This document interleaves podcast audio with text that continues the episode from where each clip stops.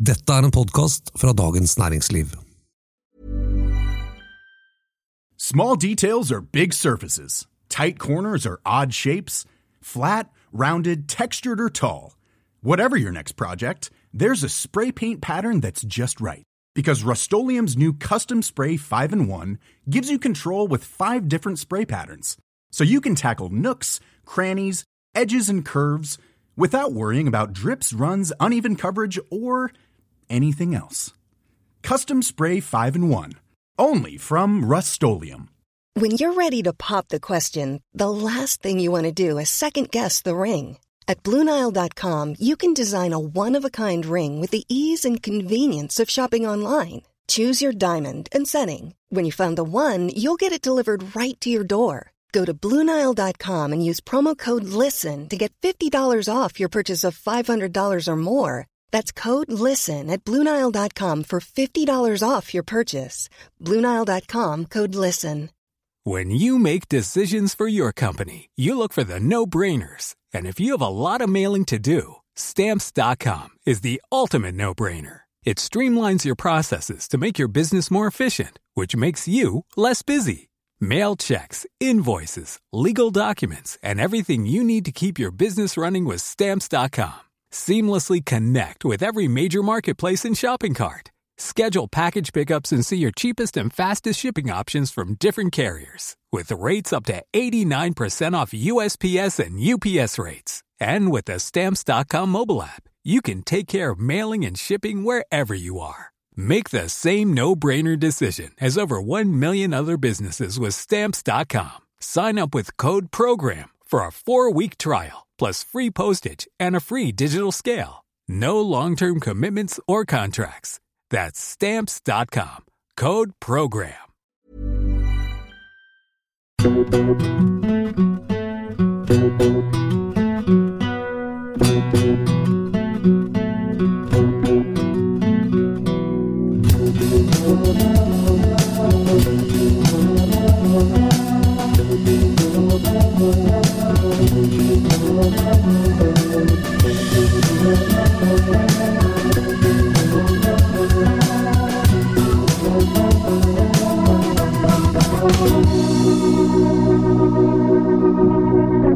Hei, dette er Fridtjof Jacobsen fra Den politiske situasjonen.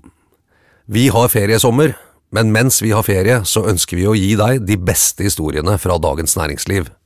Vi håper du liker det. God lytting og god sommer. Hei, jeg heter Eskil Engdahl og er journalist i Dagens Næringsliv. For mer enn 2000 år siden ble ung jente voldtatt og halshugd på Sicilia. Liket ble kidnappa, stjålet, murt inne, skjenda og solgt. Sammen med forfatter Vetle Lid Larsen reiste jeg til Venezia for å finne levningene av Santa Lucia.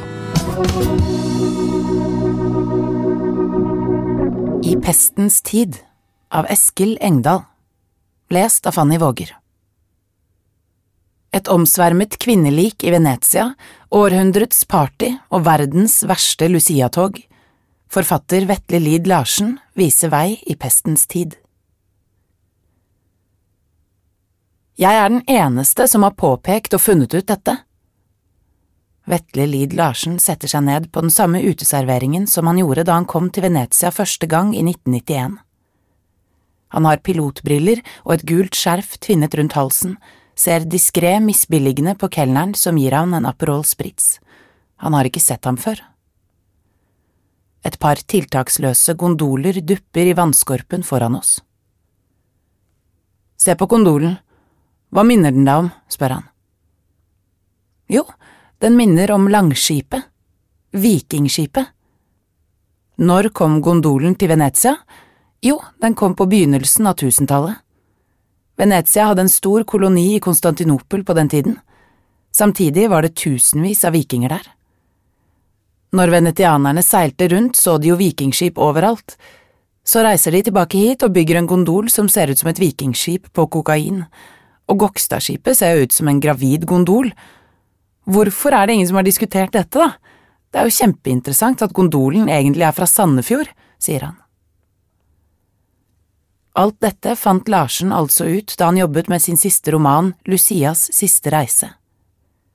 Der følger han helgenen Lucias jordiske levninger fra romertiden til nåtidens Venezia, hvor hun nå ligger etter å ha blitt kidnappet, stjålet, murt inne og hundset med gjennom 1700 år. Boken som vaker på toppen av bestselgerlistene og ble omtalt som bortimot genial av en kritiker. Venezia er et fantastisk sted å jobbe. Jeg har skrevet en masse middelmådige bøker her. Etter å ha jobbet i fem år med den siste, føler jeg at suksessen er fortjent. Jeg er jo en av de mest proffe jeg vet om. Det er nesten så jeg ikke tør å si det selv, jeg er redd for at det skal høres cocky ut. Jeg er oppdratt til å være beskjeden og gå der og knikse for en mindre begavet forfatter fra et eller annet sted, men man må jo kunne slå seg på brystet noen ganger også. Cruiseskipene som tidligere lå ankret opp, er borte. Nå er det bare bølgene fra taxibåtene som skvulper inn over bryggekanten på byen som hviler på 13 millioner tannpirkere, ifølge Larsen. Husk maske. Her brukte de masker fra 1650 til republikken falt, alle gikk med masker, selv tiggerne og bikkjene gikk med masker, sier Lid Larsen. Ingen by har gått under så mye som denne men den er her ennå, og nå er vi her i pestens tid. Intellectus interruptus Historikerne vil bare le av meg, sier Vetle Lid Larsen om sin gondolteori. I en passasje i boken lar du en av dine figurer omtale akademikere som treige, fulle og bare på jakt etter flere midler. Jeg var på et party med norske historikere i Oslo. Jeg lente meg på et glass og følte jeg ble pussa, men jeg ville spørre om de syntes det var noen likheter mellom Europas stilling nå og Romerrikets fall, om det fantes historiske paralleller.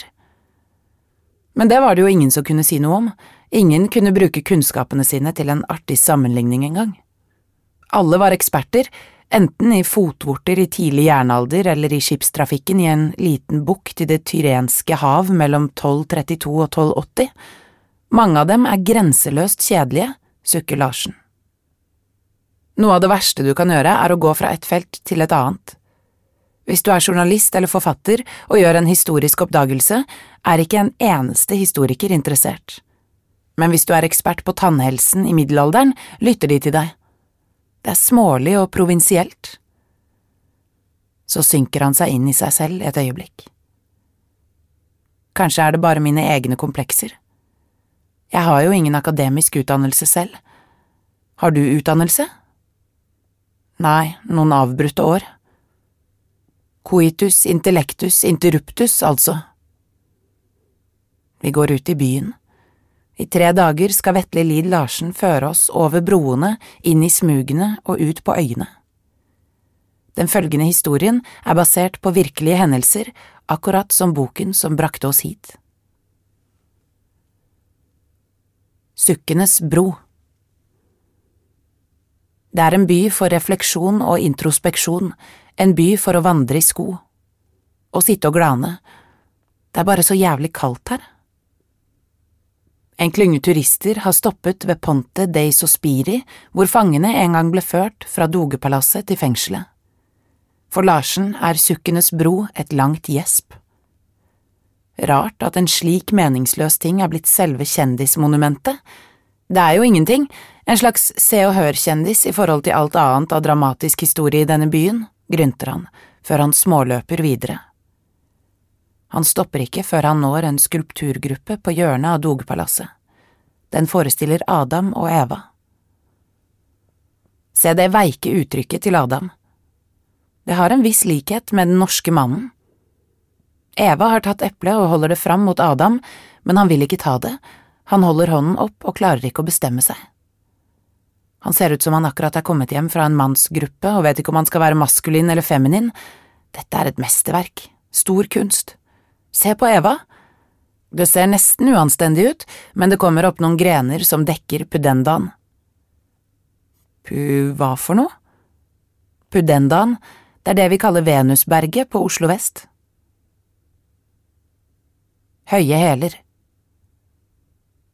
Nå kommer Aqua Alta, høyvann, da er vi uten støvler og i deep shit, altså. Byen surkler, vannet stiger nedenfra, legger seg som en hinne over den blanke brosteinen, så sildrer den inn i barer og butikker. Før var det en alarm fra annen verdenskrig som gikk hver gang det var høyvann, som det var et flyangrep. Nå er det skiftet ut med en liten pling-pling-plong-plong. Happy go lucky og verden går under, ha-ha. De få og mest rutinerte turistene har utstyrt seg med billige, glorete overtrekkssko i plastfolie. På grunn av alt høyvannet oppfant venetianerne stiletthælen. Den som er Guds gave til oss alle, den som alle liker, uansett politisk ståsted eller forhistorie. Det skjer noe med kroppen når man bærer stiletthæler, den mister litt av sin jordiskhet. Kvinnen blir litt mer teknologisk, ikke bare jord og blod, sier han. Kvinnene i barokken gikk med vedovner under skjørtet fordi de fikk blærekatarr av fuktigheten her. Så hadde de en liten skorstein bak som var bundet fast i et jernkorsett. De kunne bare legge i en liten bjerkekubbe, hvis de hadde bjerk, da. Er ikke det fantastisk? I kjelleren. Han bærer boken under armen i en rød tøypose. Han vil vise den til en restaurantør han kjenner. I fem år skrev han på den. Han holdt på å knekke fullstendig, druknet i fakta og dokumenter, var nær ved å gi opp, gikk i kjelleren. 632 sider senere er han kommet ut i lyset på Campo Santo Angelo. Først tenkte jeg, hvem gidder å lese en bok om Sankta Lucia? Det er jo et helt apart tema, men alle har et positivt forhold til Lucia-feiringen. Nå er Lucias siste reise kjøpt av Polaris i Stockholm, den blir hovedtittel i Dansk Gyldendal samt hovedbok i Dansk Gyldendals bokklubb, bare så det er nevnt, sier han.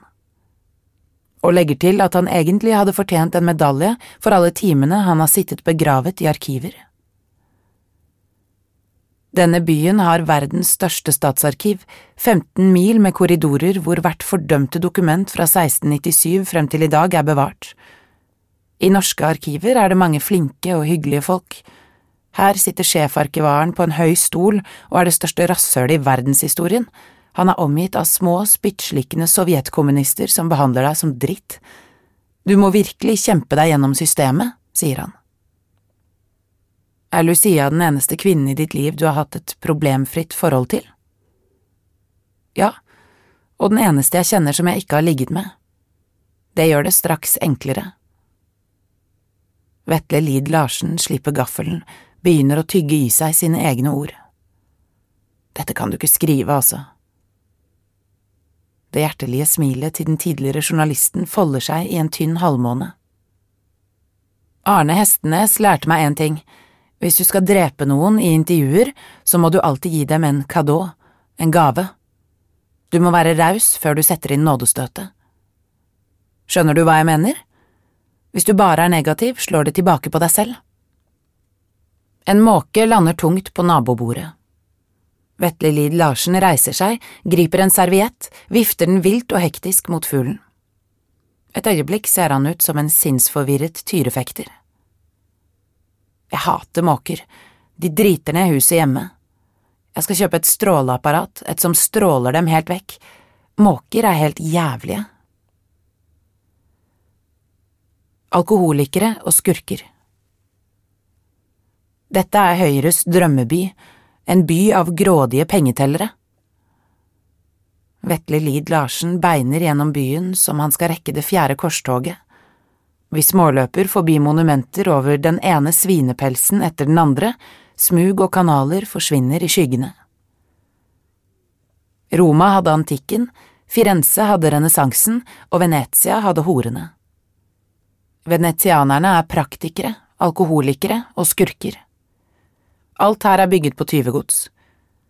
Dette var verdens rikeste og mektigste stat, så begynte nedturen. Las Vegas-perioden, på slutten var alt oppløst. Så ble det et tilfluktssted for homser, avgåtte prinser og alle slags utskudd, noe som også gjorde den til et åndelig pustehull i Europa. Her fant alle en plass hvor de ble tolerert. Byen var bare styrt av pengene og dreit i ideologien, det handlet bare om cash hele veien. Det var noe befriende over det også. en pragmatisme som var veldig bra, rett og slett, sier han. Nedturen bare fortsatte. Aristokratene forsvant først, så forsvant kunstnerne, på syttitallet forsvant jetsettet. Plutselig var alle vekk, sier han. Er det ikke jævlig kaldt? Likrøverne Vi går inn i San Geremia-kirken, i en glassarkofag på marmoralteret i østkapellet ligger hun, Sankta Lucia. Bare de morkne bena stikker frem fra den røde kappen av damask. I 1955 ble ansiktet dekket med en sølvmaske. Den kledde henne, påsto noen, andre hevdet hun så ut som en utstillingsdukke for hofteholdere i varemagasinet Coin, skriver Lid Larsen i Lucias siste reise. Det er sannsynligvis hun som ligger der. Det er nok henne, sier Lid Larsen. Det var da han besøkte Sankta Lucia-kirken i Siracusa og fikk se en tom grav, at han begynte å grave i historien om den døde kroppens bisarre reise. Ferden til ungjenta som ble sendt til et bordell og senere halshugget og til slutt endte i San Geremia-kirken i 1860. Hofteleddet til Magnus fra Oderso ligger også her. Det var hyggelig at kirken fikk noe mer enn bare det gamle hofteleddet, sier Lid Larsen, mens han hviskende står der med luen i hånden. Når du er på Sicilia, ser du en jente på en scooter med sort hår, hvite underarmer og kneisende nakke. Lucia var akkurat som dem, en liten ung jente som blir forsøkt tvangsgiftet, nekter og står på sitt til døden. Jeg tror ikke disse helgenene var verdige skikkelser som skred inn i døden med et smil, jeg tror de var vanlige mennesker, noen var modige og storslagne, noen var små og engstelige. Hun var sikkert en blanding, sier han. I november 1981 brauter to væpnede menn seg inn i kirken og stjeler relikviene. Da de knuser glasset og trekker ut legemet, blir hodet sittende fast, slik at det faller av og blir liggende igjen inni kisten. De finner henne igjen den 13. desember ute i lagunen. Tenk det, den 13. desember. Vegg i vegg med Sankta Lucias lik ligger Palazzo Labia, et av de siste store barokkpalassene i Venezia. I 1952 holdt den godt eksentriske Don Carlos de Beistegui en av de største og mest overdådige festene på 1900-tallet her. Århundrets fest. De mest berømte av de berømte var der. De bråker så jævlig at ting detter ned fra veggene og lander på den stakkars Lucia-kisten. Alle driter i Lucia. Er det ikke en skjebnens ironi? At hun som har trosset alle århundrer, ligger noen meter fra århundrets party, sier Lid Larsen. Vin for svin. Når dere får den vinen, prøv å late som dere vet hva dere får, da. Vi hadde sittet noen timer på Trattoria al Gattonero på den vesle øya Burano i den venetianske lagunen, en restaurant Vetle Lid Larsen sier han oppdaget for hundre år siden. Da han gikk gjennom døren, kastet de seg over ham som han var en lenge savnet sønn. Jeg bygger relasjoner på alle stedene jeg er. Det gir meg god kvalitet. Jeg vil ha kongelig behandling, sa han da vi ble vist til en av de beste bordene på den familiedrevne restauranten. Moren på kjøkkenet var oppkalt etter Sankta Lucia, og huskatten het Wet Pussy. Jeg er kronisk sulten i dette landet, sa Larsen før havets delikatesser kom seilende inn. Sarde in saur, risotto al mare, cape santa alla griglia. Så beordrer han en Giuseppe Quintarelli Valpolicella Classico Superiore, en vin som ifølge forfatteren er skapt både med hjerne og underliv. Jeg aner ikke hva den koster, men sannsynligvis er den så dyr at du vil få sparken. Flasken med den håndskrevne etiketten bæres inn som den er et skjørt, gammelt pergament, settes på et lite trillebord og dekanteres. Alt i dette landet er teater og fesjå, og det passer meg perfekt. Man må fremstå, det er det viktigste. Det gjorde at jeg umiddelbart følte meg hjemme i Italia. Idet jeg tar den første slurken, setter han øynene i meg som en skarpretter som leter etter den riktige halsvirvelen. Du ville ikke kjent forskjell om du hadde fått servert diesel eller pissepotta til faren min. Det noterte jeg meg med deg med en gang. At du skal drikke Kintarelli er som å gi Shakespeares sonetter til purka i bingen, sukker han. Jeg elsker Kintarelli. I 2012 kjørte jeg for å besøke vingården, i bilen hadde jeg en sånn polsk dame som leste veien. GPS? Ja. Da jeg endelig fant frem, møtte vi den fantastiske varme bonden som var helt på topp i verden. Det var nesten som å kysse pavens hånd, sier han og løfter glasset. Dette er helt utenom jåleriet. Dette er et bondeprodukt. Det er alkymi. Verdens første Lucia-tog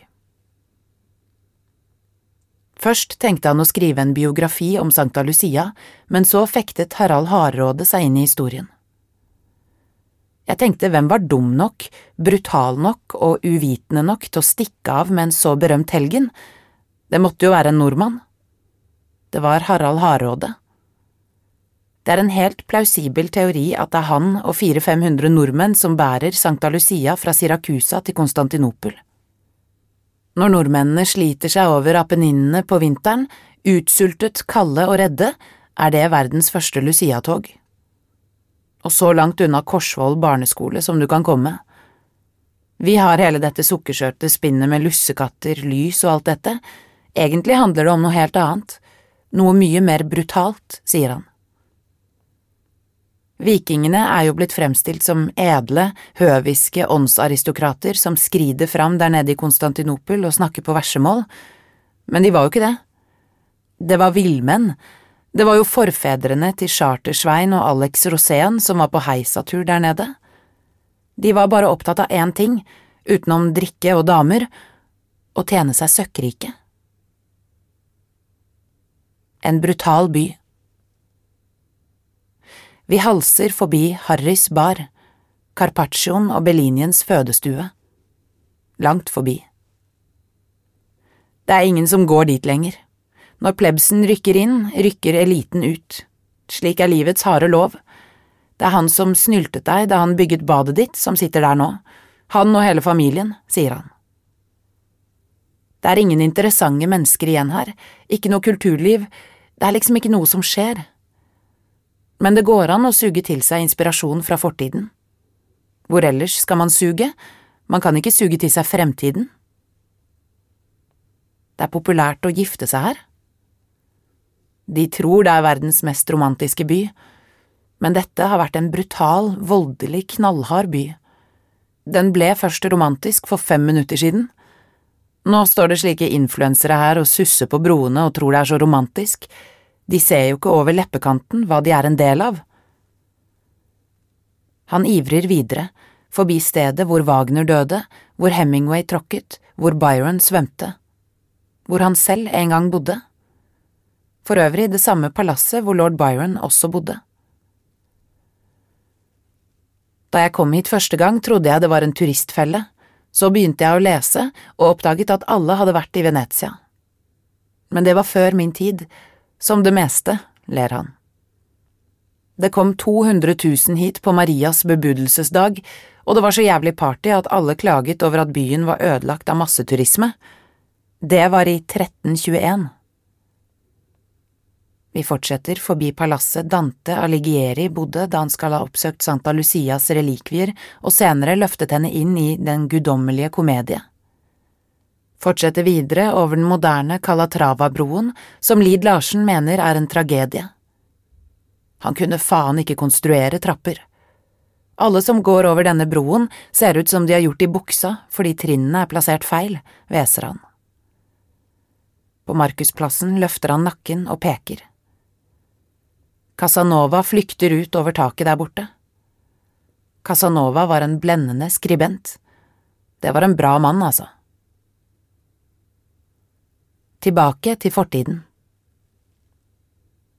Jo lenger vekk fra utsikten, jo styggere belysning og surere kelnere, dess bedre er maten, sier Larsen og svinger inn på stamrestauranten Trattoria alla Madonna. Dette er jo fortiden. Se på han som går der, han har vært her siden 1952 og kan nesten ikke gå. de må nesten bære ham rundt med rettene, men han har sin naturlige plass her. Min venn Antonio, som er inne i det hullet der, sier han og peker mot serveringsluken. Han har vært inne i det hullet i 33 år, med smil og vennlighet og menneskelighet. Men denne type restaurant vil bli borte, det vil jo komme liggesofaer og orientalske retter overalt. Dette klassiske kjøkkenet har overlevd helt frem til nå. Slik har de spist i tusen år. Om ti år er det indisk restaurant her. Jeg elsker indisk mat, ikke misforstå meg. Vetle Lid Larsen kjenner at noe knaker i sammenføyningene rundt ham. Selv føler han seg mest på utsiden. Selv når jeg en dag ligger i kisten, vil jeg føle meg på utsiden. Høres jeg selvmedlidende ut nå?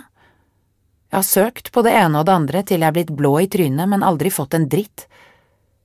Kanskje er det fordi jeg ikke representerer noen retning. Noen ganger er jeg reaksjonær, og noen ganger er jeg radikal. Noen ganger er jeg håpløs, og noen ganger er jeg briljant, ler han. Men jeg har aldri vært snobb. Faren min var 100% glad i alle mennesker. Jeg håper og tror jeg er slik selv også. Det verste jeg vet, er de som ikke er greie mot dem som er mindre enn seg selv. De som er fulle av seg selv og bruker en liten maktposisjon til å trumfe sitt lille råtne ego over andre. Det er et motbydelig trekk. Det har jeg ikke. Det er det mest anstendige ved meg, sier han. Hvordan har du det med religionen? Jeg er nok den katolikken som sitter nederst ved bordenden. Spørsmålet er hvem som skal begrave deg. Da sier jeg som min gamle venn pater Pollestad, vi lever kanskje ikke så bra i den katolske kirke, men vi dør helt vidunderlig. Jeg vil helst ha et kors over graven, men respekterer veldig de som vil ha en liten kjøttmeis, sier han. Han griper glasset. Gud er det som er bortenfor rasjonaliteten. Jeg tenker ikke at det er han som bestemmer at du skal drikke opp det glasset nå og gå hjem og ringe dama di. Det er en gammeldags gud, jeg er ikke der. Jeg tenker på Gud som noe som sprenger rammene for den lille råtne tilværelsen vi har her nede. Reis oppover, du vil ikke møte noe skilt som sier her stopper det. Det fortsetter videre opp i evigheten. Den tanken er grensesprengende. Incest i Trøndelag Jeg har aldri deltatt i min generasjon på noe plan, føler jeg. Deltok du i den forrige, da? Nei, ikke den forrige, men jeg vil heller si 500 år før der. Jeg kjøpte mine første jeans da jeg var 26.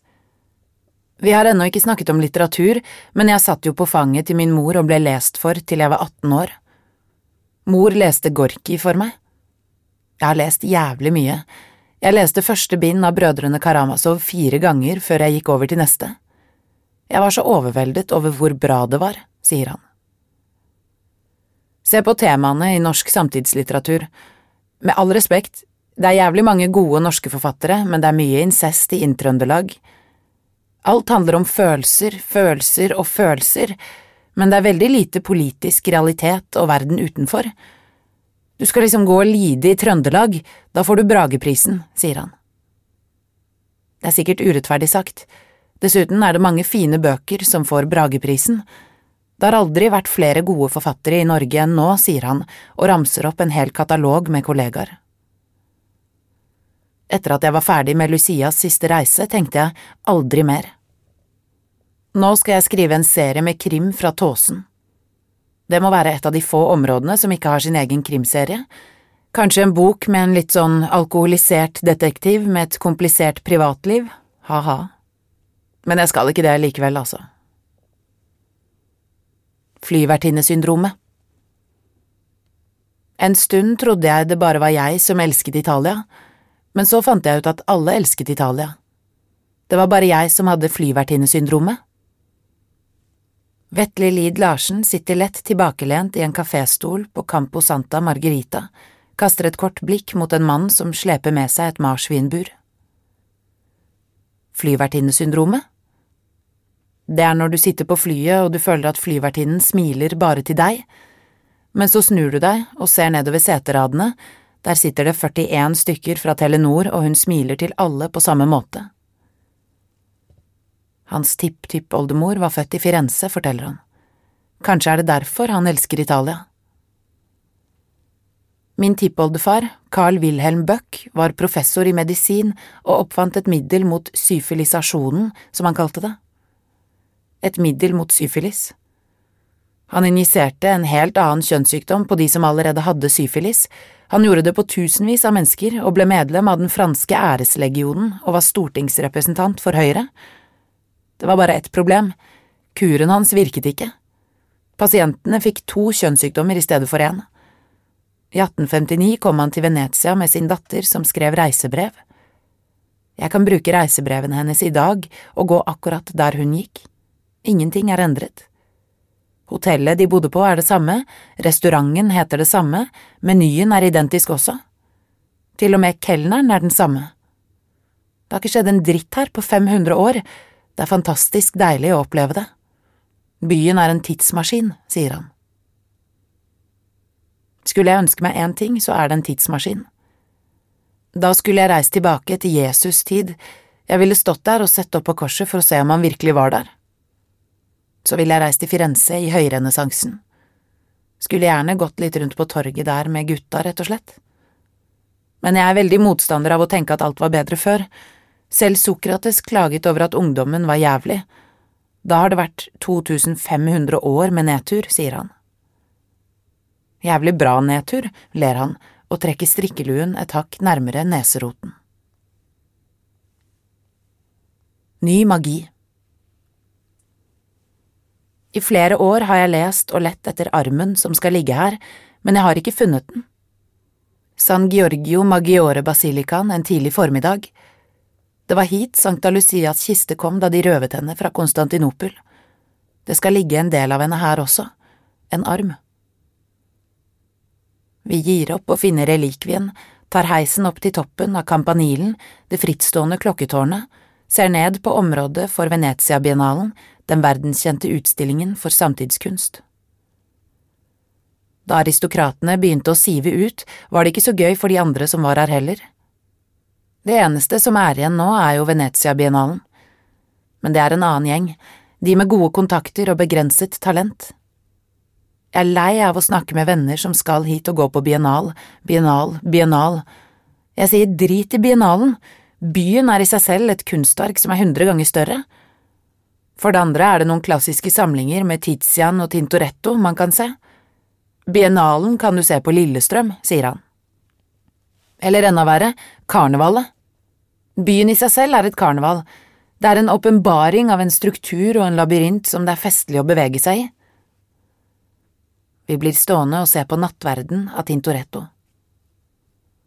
For å makse det hele burde vi ikke gått Florian på Markusplassen, der Casanova og Byron gikk?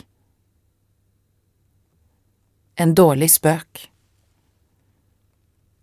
Livet er fantastisk, sier Vetle Lid Larsen etter å ha benket seg i en av stolene på Kafé Florian hvor Goethe, Dickens eller Prost kunne ha sittet. Problemet er at livet er så sinnssykt kort. For en vits! For et dårlig opplegg! Hvem er det som har funnet på dette her? Når jeg endelig føler at jeg har skjønt noe, så står mannen med ljåen i døren. Jeg har skrevet hele livet, nå når ting endelig faller på plass, så ringer bjellene, liksom. Er ikke det urettferdig? Men jeg går ikke med på å bli avblomstret. Jeg orker ikke folk som sier de skal ta det med ro. Hvorfor det?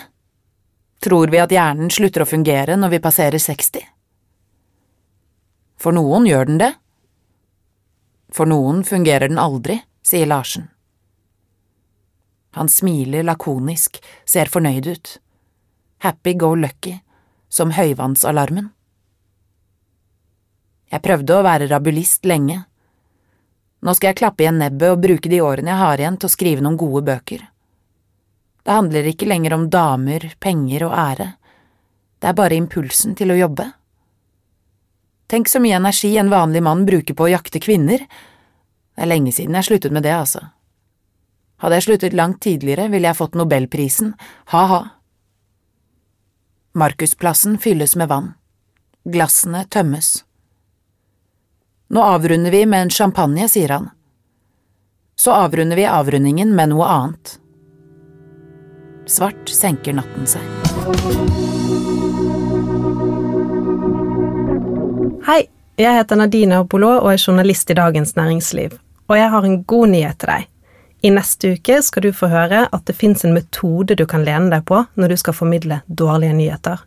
Metoden lærte jeg av to leger som har forsket på nettopp dette, og så skrev jeg en sak som jeg tror alle kan lære noe av. For det fins virkelig dårlige nyheter overalt, og verken du eller jeg kommer oss unna å være budbringer fra tid til annen. Likte du det du hørte? Vi har veldig lyst til å høre hva du syns om denne episoden, og kanskje har du også tips til andre saker vi kan skrive om i Dagens Næringsliv. Send oss gjerne en mail på tips krøllalfa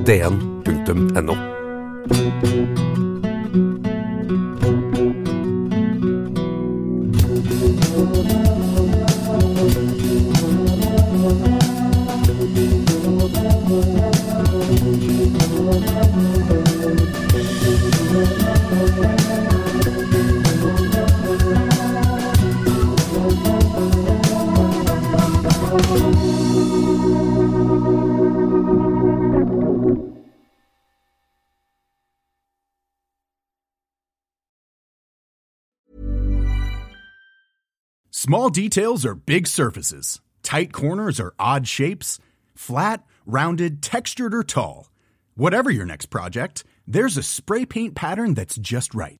Because Rust new Custom Spray 5 in 1 gives you control with five different spray patterns. So you can tackle nooks, crannies, edges, and curves without worrying about drips, runs, uneven coverage, or anything else. Custom Spray 5 in 1 only from Rust-Oleum. Planning for your next trip? Elevate your travel style with Quince. Quince has all the jet-setting essentials you'll want for your next getaway, like European linen, premium luggage options, buttery soft Italian leather bags, and so much more. And it's all priced at 50 to 80% less than similar brands. Plus, Quince only works with factories that use safe and ethical manufacturing practices. Pack your bags with high-quality essentials you'll be wearing for vacations to come with Quince. Go to quince.com slash trip for free shipping and 365-day returns. Hi, I'm Daniel, founder of Pretty Litter. Cats and cat owners deserve better than any old-fashioned litter. That's why I teamed up with scientists and veterinarians to create Pretty Litter. Its innovative crystal formula has superior odor control and weighs up to 80% less than clay litter. Pretty Litter even monitors health by changing colors to help detect early signs of potential illness. It's the world's smartest kitty litter. Go to prettylitter.com and use code ACAST for 20% off your first order and a free cat toy. Terms and conditions apply. See site for details. When you make decisions for your company, you look for the no brainers. And if you have a lot of mailing to do, stamps.com is the ultimate no brainer. It streamlines your processes to make your business more efficient, which makes you less busy. Mail checks, invoices, legal documents, and everything you need to keep your business running with Stamps.com. Seamlessly connect with every major marketplace and shopping cart. Schedule package pickups and see your cheapest and fastest shipping options from different carriers. With rates up to 89% off USPS and UPS rates. And with the Stamps.com mobile app, you can take care of mailing and shipping wherever you are. Make the same no-brainer decision as over 1 million other businesses with stamps.com. Sign up with code program for a 4-week trial plus free postage and a free digital scale. No long-term commitments or contracts. That's stamps.com. Code program. Du har nå hørt en podkast fra Dagens Næringsliv.